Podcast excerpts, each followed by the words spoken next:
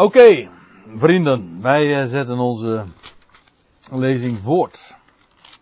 We waren gebleven dus bij vers eh, 23, waar de Heer dus aankondigde die uren die zou komen dat de waarachtige aanbidders de Vader zouden aanbidden in geest en in waarheid. Zulke aanbidders, die zoekt de Vader. En dat dat zijn vervulling vindt in de tegenwoordige tijd, waar ook de apostel Paulus, juist de apostel Paulus, ook over spreekt. Niet meer gebonden aan een locatie. Uh, het, gaat ook niet alleen, het gaat ook niet meer om de vraag waar, maar het gaat erom hoe, namelijk in geest. En in waarheid. De waarheid die juist ook bekend is gemaakt in Christus. En ik zit er ook aan te denken dat we in Johannes 1, vers 17 nog lezen. Ik las net vers 18 voor.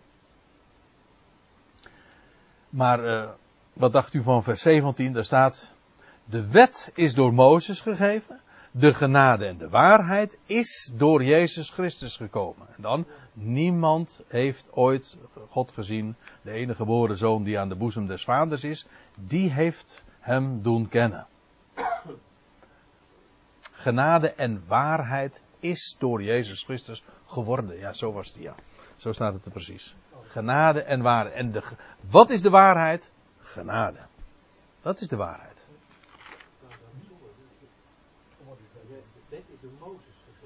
Ja.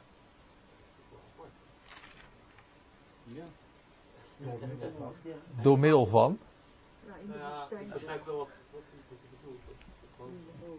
Maar wat zou je dan uh, verwachten? Door wie is de wet gegeven? Door God? Door God, door bemiddeling van engelen. Ja. Maar wat zou je dan verwachten?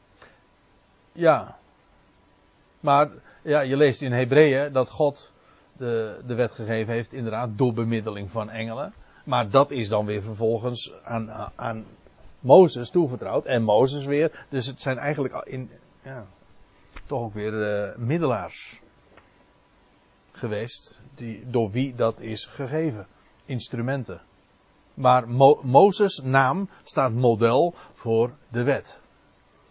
Zoals de naam van Jezus Christus model staat voor de waarheid van genade. Dat is door hem geworden. Zo hebben we God leren kennen. Als vader. In waarheid. Dus, ja, deze vrouw. Die krijgen me toch een partij dingen te horen, zeg. Dat wil je niet weten. Uh, verborgenheden. En zaken. Die de Heer onder zijn volk niet eens kwijt kon.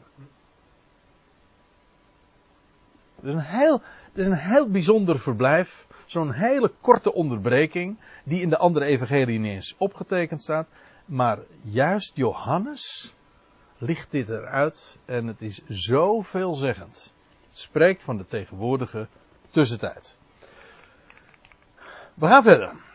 Want de Heer motiveert dat nog nader. Hè? De Vader zoekt aanbidders die hem aanbidden in geest en in waarheid. En dan, God is geest. Of eigenlijk staat er, Geest is de God. Dat is, staat er eigenlijk ook niet eens. Normaal ontbreekt dat ook. Maar de nadruk ligt dan altijd op het. Ik, vandaar ook die streepjes op de E. Geest is de God. Dus de, de, het idee is. Hè? Geest, de God. Ja, maar goed, in het uh, Nederlands verondersteld, dan moet je altijd een, een werkwoord nog tussen zetten. Dus geest is de God. Maar de nadruk ligt op dat woordje geest vandaar ook dat men, dat je in het Nederlands dan meestal zegt, God is geest. De nadruk ligt dan op dat eerste woordje. Geest is de God. En dat betekent, geest is eigenlijk een, een, een verzamelnaam. We hebben daar wel vaker uh, bij, bij stilgestaan. Dat geest in het, uh, in het Grieks, dat is pneuma. Maar pneuma is ook de aanduiding van wind. We zagen dat trouwens in het voorgaande hoofdstuk, Johannes 3. En dan wordt het vertaald, de wind blaast waarheen hij wil. Dan wordt het vertaald met wind, maar eigenlijk staat er gewoon het woordje pneuma. Wij maken een verschil, maar in het Griekse gedachte is wind ook gewoon geest. En het pneuma is ook adem. En in het Hebreeuws heb je exact dezelfde gedachte. Ruach. Ruach is ook wind.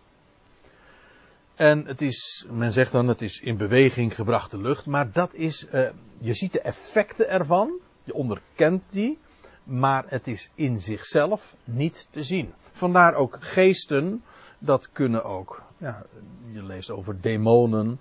Uh, engelen worden gedienstige geesten genoemd. God is geest. En hoe kan dat allemaal? Wel, wat is de verzamelnaam? Wel, het zegt eigenlijk iets over ons onvermogen, namelijk om het te zien. Het is onzienlijk. Dus het zegt iets over iets wat wij niet kunnen met onze zintuigen vangen. Namelijk, we kunnen het met onze ogen niet pakken. Het is dus onzienlijk. En ik heb vandaar ook die verwijzingen naar uh, deze twee schriftplaatsen, maar ik had er heel wat meer kunnen aan toevoegen. 1 Timotheus 1 vers 17 waar we lezen over de, de on, de, de ene, de waarachtige, de onzienlijke God. En Colossens 1 vers 15 daar lees je dat hij, de zoon, is beeld, het icoon van God, de onzienlijke staat er. De onzichtbare. God is de onzienlijke en hij heeft een icoon, een beeld, door wie hij zich uitdrukt. Maar dat zagen we ook al eerder vanavond. En dat is de zoon. Maar God is geest. Daar gaat het even nu om. Dat wil zeggen dat hij is niet te zien. Uh, trouwens, dat zegt uh, Paulus in Romeinen 1 ook. Wat van hem niet gezien kan worden, zijn eeuwige kracht en goddelijkheid, wordt sedert het begin der schepping met uh, het verstand in zijn werken doorzien. Dat wil zeggen, wij kennen, we kunnen God niet zien, maar niettemin laat hij zich ook in zijn werken kennen. Dat, ja. Dan zie je gewoon van, hé, hey, dat is ontwerp. Dat is uh, alles, alles in de schepping, of je nou een atoom neemt, of een, uh, op een nog wat groter, op een wat ander niveau van moleculen, of als je het op biologisch niveau ziet van cellen. Alles getuigt van design, van ontwerp. Alles. Zo'n intelligent design. Wel, dan wordt het met verstand doorzien. Er is een God. Er is een intelligent ontwerper. Dat kan niet missen. Dus zo laat hij zich kennen. Dus je hoeft God niet uh, te kunnen zien om hem toch, toch wel uh, te herkennen.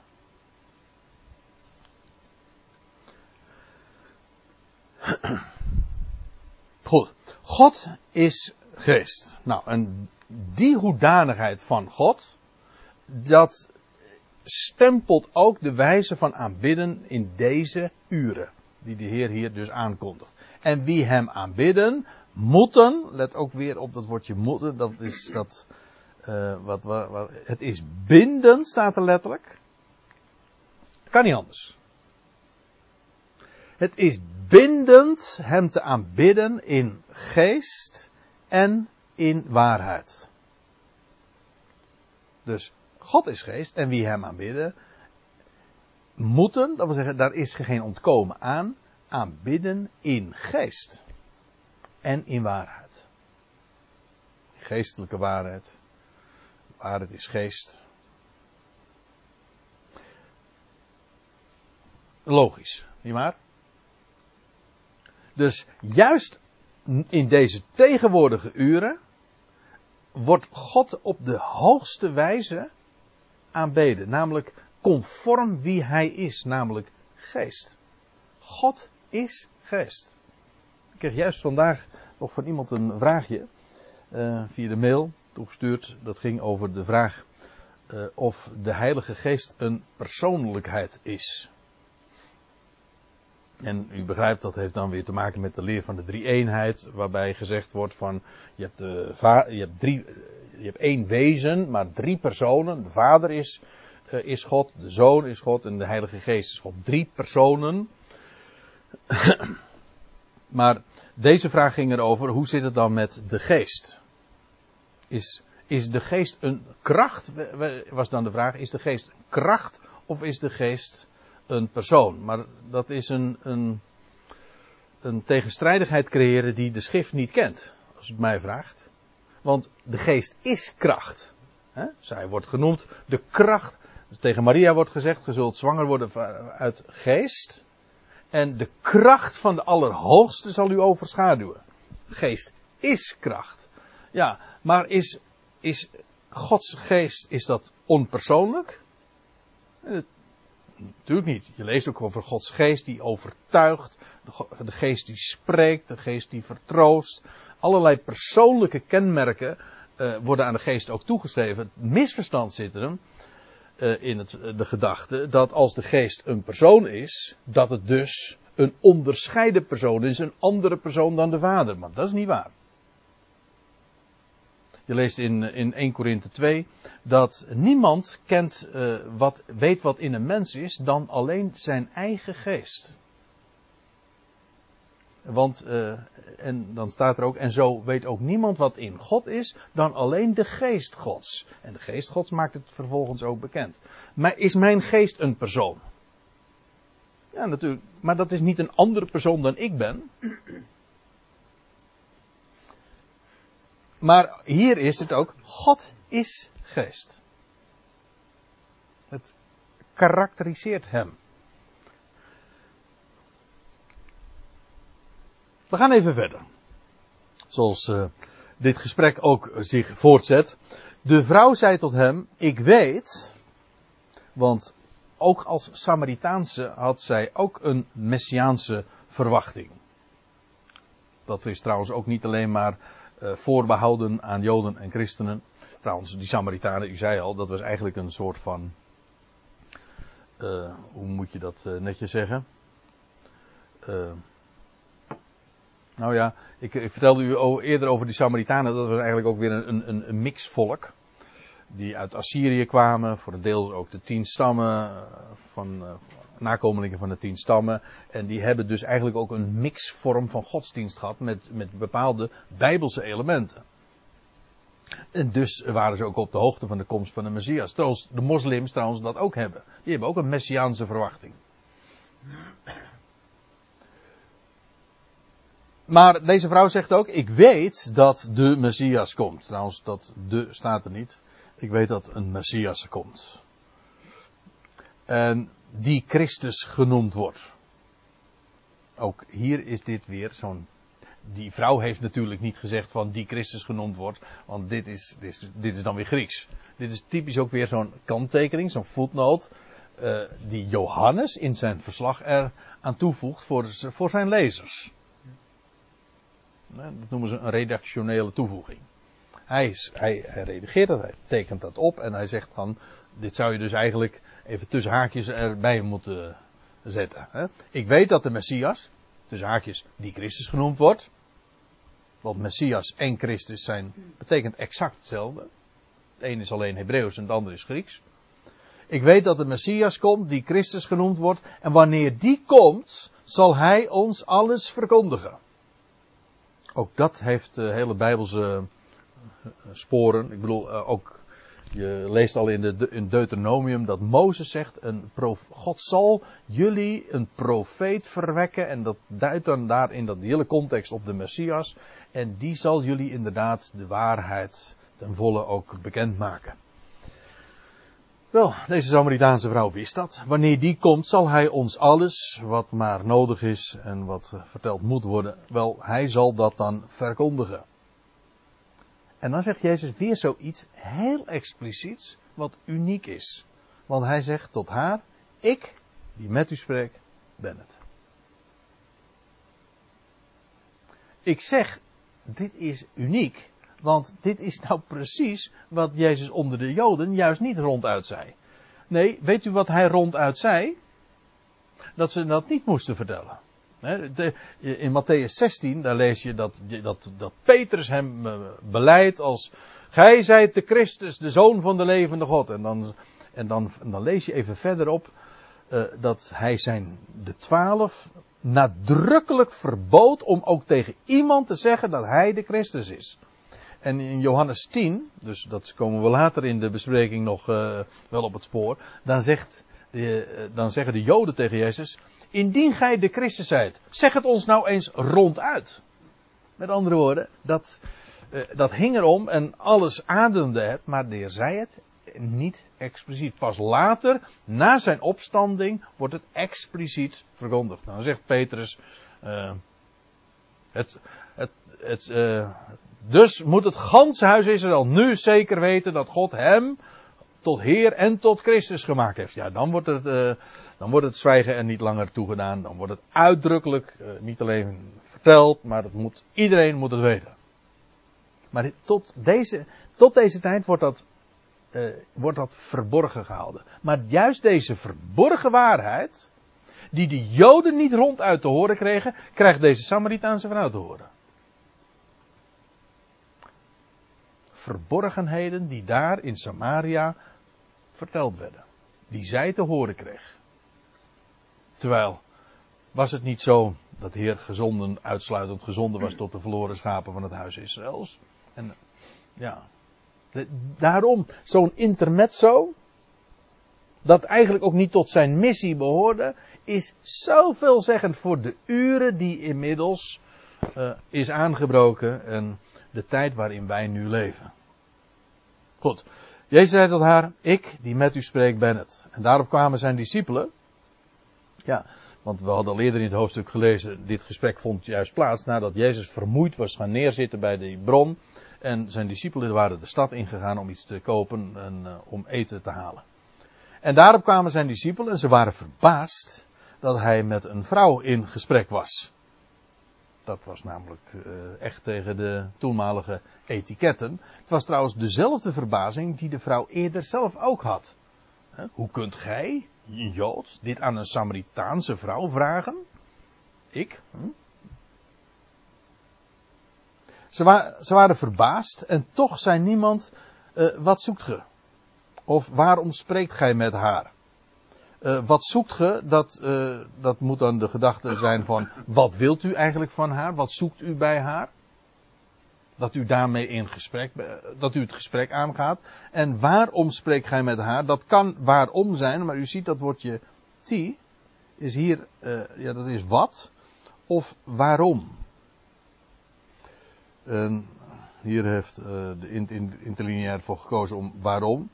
Maar het is, als je het uh, identiek dan weergeeft, dan is het uh, wat spreekt gij met haar? Dus, oftewel, wat bespreekt gij met haar?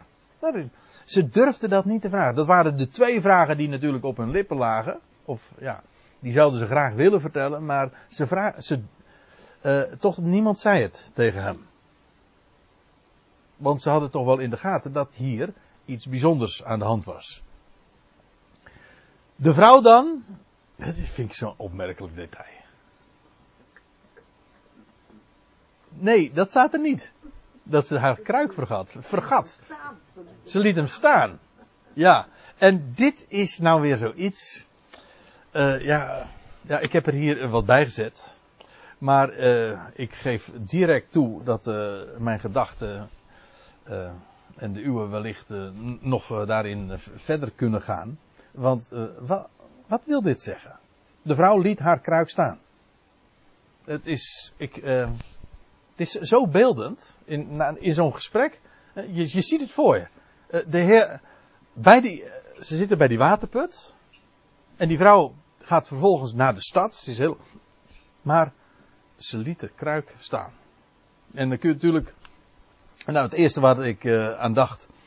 Uh, die kruik was feitelijk ook een symbool van wat ze zocht. Hm? Maar dat nooit voldoening gaf. Want we lazen in, hoofdstuk, in uh, ja, ditzelfde hoofdstuk uiteraard, in vers 15. dat de Heer tegen de vrouw zei tot hem: Heer, geef mij dit water, opdat ik geen dorst heb en niet hierheen behoef te gaan om te putten. Nou ja, ze begreep het nog niet helemaal natuurlijk. Maar eigenlijk dat is waar die kruik eigenlijk ook symbool voor staat. Je kunt het trouwens ook nog op een andere manier verstaan. Uh, afgezien van het feit dat dit gewoon natuurlijk een feitelijke mededeling is. Ze liet haar kruik staan. Maar dan moet je toch een andere vraag echt stellen. Van waarom wordt het er zo bij vermeld? Waarom zou ze die kruik laten staan? En ik heb er ook aan zitten denken. Later, eerder kwamen we trouwens ook al kruiken tegen in dit evangelie. Die, ja, de bruiloft van Cana. Dat was op de derde dag dan weer. Hè? en daar lees je ook dat die kruiken uh, um, uh, gevuld moeten worden. Aardevaten. Want daar is eigenlijk een aardevat. Ze zijn hol. U weet het, holle vaten klinken het hardst. Maar het is een hol vat. Maar de bedoeling is van die vaten, waarom zijn ze hol? Ja, nou gewoon opdat ze gevuld zouden worden. En, en nu denk ik er bij mezelf, die vrouw, die laat haar kruik staan. Eigenlijk als symbool feitelijk ook van zichzelf. Vult u het maar. Dat is precies wat de Heer had gezegd. Ik heb jou wat te geven. Werkelijk levend water. Dus natuurlijk, het is een feitelijke mededeling, maar het is, het is zo'n veelzeggende daad dat ze daar die kruik bij die waterbron laat staan. Daar waar de Heer is. Vult u maar. Ja, het is altijd in de Bijbel zo dat die watervaten, of kruiken, of aardevaten, die worden altijd weer gevuld. Trouwens, en het is de apostel Paulus die dan zegt, wij hebben een schat in aardevaten. Er, gebeurt al, er gebeuren altijd weer wonderen met die aardevaten, wat erin gebeurt. Of er nou fakkels in bewaard worden. Of er komt water in en dan wordt het wijn. Of er wordt olie in bewaard. Altijd weer met die aardevaten. Het gaat, het gaat altijd om wat erin zit. Niet om die vaten zelf. Of ze, hoe, hoe, mooi ze beschilderd zijn, hoe groot die oren zijn. Of, het gaat niet om de buitenkant. Het gaat erom waar ze waar, voor ze dienen. Namelijk waar ze mee gevuld zijn. Dus, uh, dat lijkt me een aardige understatement ook voor ons eigen leven. Het gaat niet om die buitenkant. Het gaat erom wat erin zit. En waar zouden die, waar zouden die aardevaat anders mee gevuld worden dan ja, met, met echt, wat, wat echt voldoening geeft. Die vrouw die liet haar kruik staan en ze, en, en ze ging naar de stad en ze zei tot de mensen, dat vind, vind ik mooi. Die vrouw wordt er helemaal niet op uitgestuurd. Ze moest dit niet doen. De heer had niet gezegd, we gaan naar de stad. Die vrouw die, die kon er gewoon de mond niet houden. Die had... Mijn vrouw zegt dat wel. Wat? We moeten naar de stad. Oh ja.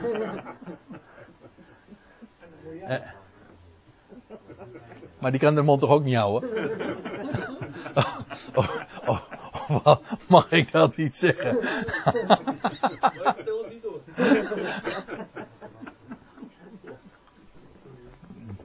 Maar uh, nee, dat is zo mooi. Uh, kijk, en zo, en zo werkt dat. ja. Ik wou haar zeggen.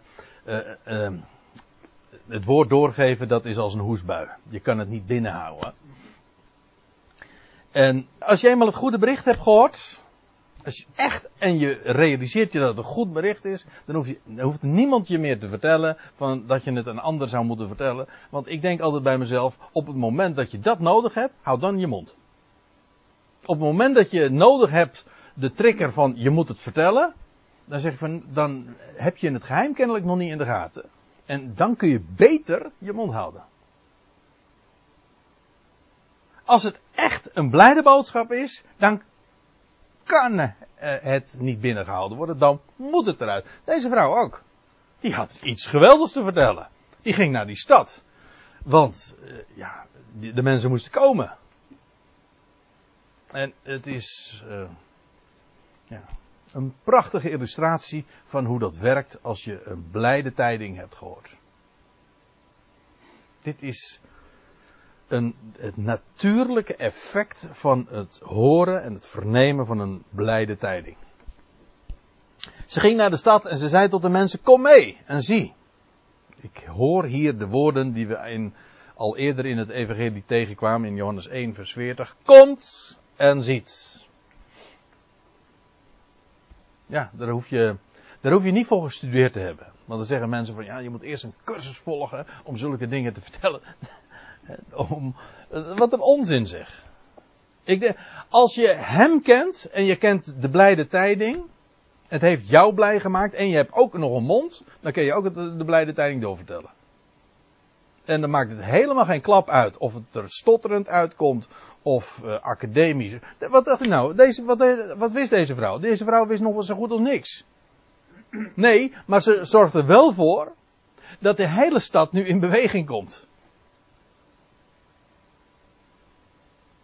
En het enige wat ze vertelt, kom mee en zie. Ervaar het zelf. Trouwens, ze zegt, kom en ziet.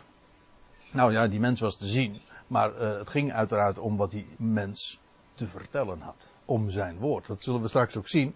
Kom mee, ziet een mens die gezegd heeft alles wat ik gedaan heb. Dat was hetgeen wat haar natuurlijk meteen echt had overtuigd. Dit was gewoon, dit was Gods spraak.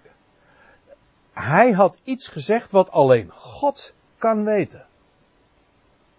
En dat had, hem over, had haar overtuigd van, ja, van de goddelijke missie van deze mens. Dat kan niet, dat is, dat is van God, anders niet. Ziet een mens die gezegd heeft alles wat ik gedaan heb. Zou deze de Christus niet zijn? Ze stelt het als, als vraag. Ze had inmiddels trouwens gehoord. Ik ben het. Maar goed, ze, geeft het door. En, uh, en ze, de mensen zouden het zelf hun conclusie maar moeten trekken. Ze gingen dan de stad uit. En ze kwamen tot hem. Ik kan het niet helpen. Maar ik denk dan uh, aan een woord in Hebreeën. Dan lees je in, in Hebreeën 13 vers 13, makkelijk onthouden. Zo laat ons de stad uitgaan, de legerplaats, tot hem. Hè, en zijn smaaddrager staat er dan. En u zegt van ja, maar dat is een heel ander verband. Ik zeg dat weet ik wel. Maar het gaat er even om, uh, ze gingen de stad uit. De legerplaats verlieten ze. Ja, dat moet je dan ook doen. Als je tot hem wil gaan, dan moet je niet daar in het, in het gevestigde systeem van de mensen zijn. Ik bedoel, dit is nu even de overdrachtelijke gedachte daarachter. Dan moet je niet meer in de legerplaats zijn en dat wat men zegt en de tradities en de overleveringen en de meningen en de filosofieën van mensen, moet je allemaal achter je laten en ga tot hem. Dan moet je horen wat je allemaal dan, wat je dan te vernemen krijgt. Ze gingen de stad uit, ze kwamen tot hem. Intussen, in de tussentijd, een tussentijd in een tussentijd. Want dit is uh, weer zo'n, eigenlijk weer zo'n zo'n intermezzo. Eigenlijk zoals de hele geschiedenis een intermezzo is. Het is een onderbreking van, uh, Jezus ging van Judea naar Galilea. Nou verbleef hij hier. Maar het was slechts een break. Met recht ook een break, want hij zat daar aan de, een pauze. Hij pauzeerde daarbij die bron. Dus alles is een pauze, een onderbreking. En hier weer, intussen vroegen zijn discipelen hem, zeggende, Rabbi, eet. Ja, uh, ze, hadden, ze waren per slotverrekening uh, niet voor niks de stad ingegaan en ze hadden wat eten gehaald. En vandaar dus dat wat ze tegen hem zeggen. En dan weer zoiets eigenaardigs. De geschiedenis herhaalt zich. Wat is er, Fred? Oh. Hè? Oké. Okay. De geschiedenis herhaalt zich. Want wat zegt de Heer nu? Zij, de discipelen zeggen tegen Jezus van, eet nu wat. En hij zei, ik, ik heb een spijs te eten waarvan jullie niet weten. En, nou, ik zou zeggen, uh, blader even terug. Of ik hoef niet eens te bladeren. In vers 10 lazen we uh, dat die, uh, die vrouw dan bij die put zit. En, dan, gaat het over het water uit die put. En dan zegt Jezus antwoorden zij tot haar. Indien gewist van de gave gods en wie het is die tot u zegt, geef mij te drinken. Ge zou het hem gevraagd hebben en hij zou u levend water hebben gegeven. En nu hier begint de Heer over een andere spijze. Zij hebben het. De vrouw had het eerst over gewoon water. En vervolgens de Heer zegt van, ja, maar ik heb het over levend water. Nu zeggen de discipelen van, eet wat. En de Heer zegt, ik weet van een spijs, waar jullie geen idee van hebben. Ik heb een spijs te eten waarvan gij niet weet. En de discipelen dan zeiden tot elkaar, indien iemand heeft hem toch niet te eten gebracht. Weer, en dus het is hetzelfde misverstand als wat die vrouw ook al demonstreerde. Want die zei in vers 11 toen. Zij zei tot hem: Heer, gij hebt. Uh, nadat de Heer dus had gezegd: Hij zou u levend water hebben gegeven. Zij zei tot hem, Heer, gij hebt geen emmer, de put is diep. Hoe komt gij dan aan levend water? Zijt gij dan soms meer dan onze vader Jacob die ons de put gegeven heeft en er zelf uitgedronken heeft? Nou, dat. Weet je wel, dat misverstand. Ze had niet in de gaten dat hier typologisch onderwijs werd gegeven. Dat is wat het is. Zij had het over water, de Heer had het over levend water. Zij hadden het over gewoon eten, wat ze zojuist in de stad hadden gehaald. En de Heer had het over echt spijzen. Wat, wat, waar, waar hij van at. En dat zegt hij dan ook. Hier, Jezus zei tot hen, tot hen, de, discipelen. Mijn spijze, mijn voeding is de wil te doen van degene die mij gezonden heeft. En zijn werk te volbrengen. Maar eerst even dit. Mijn spijze is de wil te doen van degene die mij gezonden heeft. Dat was waar hij zijn voeding aan onttrok, aan ontleende. Ik uh, heb een, een woord gevonden wat, wat daar zo op aansluit in Hebreeën 10. Hebreeën 10, vers 5 en 6 en 7. Dan lees je dit. Dus, daar, uh, daarom zegt hij, en dat gaat het over de Messias, bij zijn komst in de wereld. En nou volgt er een citaat uit Psalm 40. Slacht, dat staat dus al in de, in de, in de Hebreeuwse Bijbel. Hè? Slachtoffer en offergave hebt gij niet gewild. Maar, en dat is dan, slaat profetisch op de Messias, gij hebt mij een lichaam bereid. In brandoffers en zondoffers hebt gij geen welbehagen gehad. Moet je trouwens opletten. Dit staat al dus in de, ik in de Hebreeuwse Bijbel. Dat daar al staat, het gaat niet om die slachtoffers en die offers. Het gaat, het die offergaven die verwijzen naar iemand die zou komen. Voor wie de, die God zelf een lichaam zou bereiden. En dan staat erbij. Toen zeide ik, het citaat gaat nog steeds door, hè, Psalm 40. Zie, hier ben ik. Dat is wat de Messias zegt. Zie, hier ben ik. In de boekrol staat van mij geschreven. Zie, hier ben ik om uw wil te doen, o God. Kijk. Dat was zijn spijze. En dan zegt hij, die, die wil van God, die staat in de boekrol. En ja, dat wat in de boekrol stond, de wil van God, dat was de spijze van de Heer. Daar voedde hij zich mee. De boekrol, dat was gewoon levend woord. Wordt niet voor niks vergeleken, wordt en met brood en met water. Het wordt vergeleken met, met, met wijn, met melk. Allemaal, hè, wat ik nu zeg, staat allemaal in het Oude Testament. En waar nog meer mee? Zeker eens aan te denken. Met honing. Of zo weet je. Melk en honing, ja. ja. En waar zou dat uh, vandaan komen? Melk en honing. Een land overvloeiende van melk en honing. Ja. Het is ook geestelijk waar. Melk heeft te maken met de, met de eerste beginselen van het, van het woord van God. En honing heeft te maken met, uh, met de verborgenheden. Ja, ja, want je gaat er ook nog van, uh, van stralen. Toch? ja, nee, ik, ik zeg het ook omdat je, je, hebt, je die geschiedenis van Jonathan. Ja, die, pakte, die nam staf en dan lees je dat hij at van de honing. Terwijl Saul dat verboden had. Ja, het oude verbond mag niet. Maar hij had genomen van de staf, eh, van, de, van die honing met de staf, ja. En dan staat er, en zijn ogen, ze waren, letterlijk staat er, zijn ogen waren verlicht. Jonathan straalde. een prachtig type natuurlijk van het woord van God. Maar dat, is, dat was ook de spijze van de Heer. En om dat te doen, om dat woord te vervullen. Hij was ook de vervulling van het woord.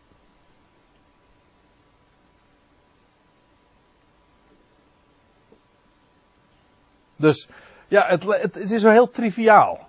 Hè, wat er dan gezegd wordt, nou eet, eet een stukje.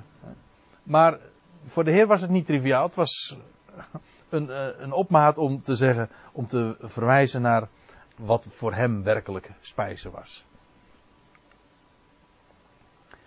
Mijn spijze is het de wil te doen van degene die mij gezonden heeft. En zijn werk te volbrengen. Hier staat trouwens een woord dat uh, later in het e- evangelie weer terugkomt. Maar dan als inmiddels in de verleden tijd. Het is volbracht. Dit, ditzelfde uh, werkwoord wordt daar weer gebruikt. Alleen dan in een andere tijdsvorm. Hier moet het nog vol, hier is hij bezig het te volbrengen. En dan is het volbracht. En hij zegt, het is de mijn spijze de wil te doen van degene die mij gezonden heeft. En zijn werk te volbrengen. Totdat het dus is volbracht. Ja, nee, ik zie dat het uh, vijf voor tien is en ik denk dat we de verstandig gaan doen om nog het een en ander zo te parkeren voor de volgende keer. Want we krijgen uh, het mooiste, de mooiste dingen, in mijn beleving tenminste, de subjectief, dat weet ik, die, van deze geschiedenis, dat volgt nog. En dan, uh, ja, dan voor, alle draadjes komen dan bij elkaar en dan ligt het, de, de betekenis zo voor het oprapen en dat het inderdaad verwijst naar de tegenwoordige tijd. Maar goed, dat moeten we het de volgende keer dan maar over hebben. En dan beginnen we bij vers 35.